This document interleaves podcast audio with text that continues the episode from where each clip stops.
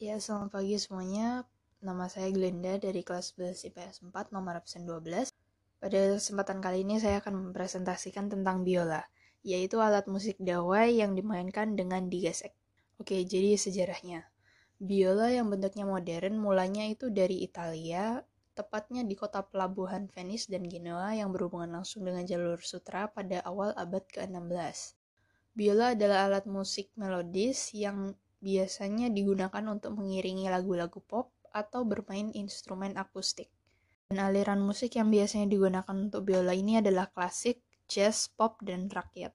Nah, biola punya empat senar yang disetel interval sempurna kelima dan berbeda satu sama lain. Itu ada senar G, D, A, dan E.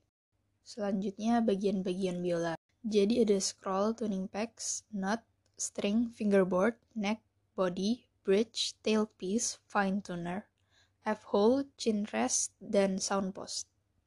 Jadi scroll itu untuk tempat bersandarnya tangan saat menyetem biola dan tuning pegs itu untuk tuning. Biasanya ada empat, uh, terus terbuat dari kayu.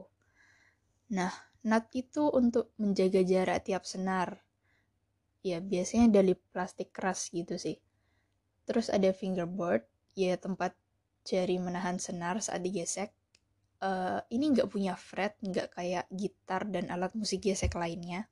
Nah, neck ini untuk menahan fingerboard dan tempat untuk meletakkan telapak tangan saat bermain biola.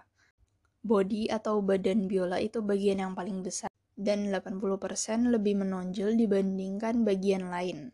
Nah, ada juga bridge ya untuk menahan tekanan senar dan berpengaruh penting dalam produksi suara yang bagus. Terus ada juga tailpiece untuk menahan pangkal senar biar stabil dan pas dengan posisi bridge.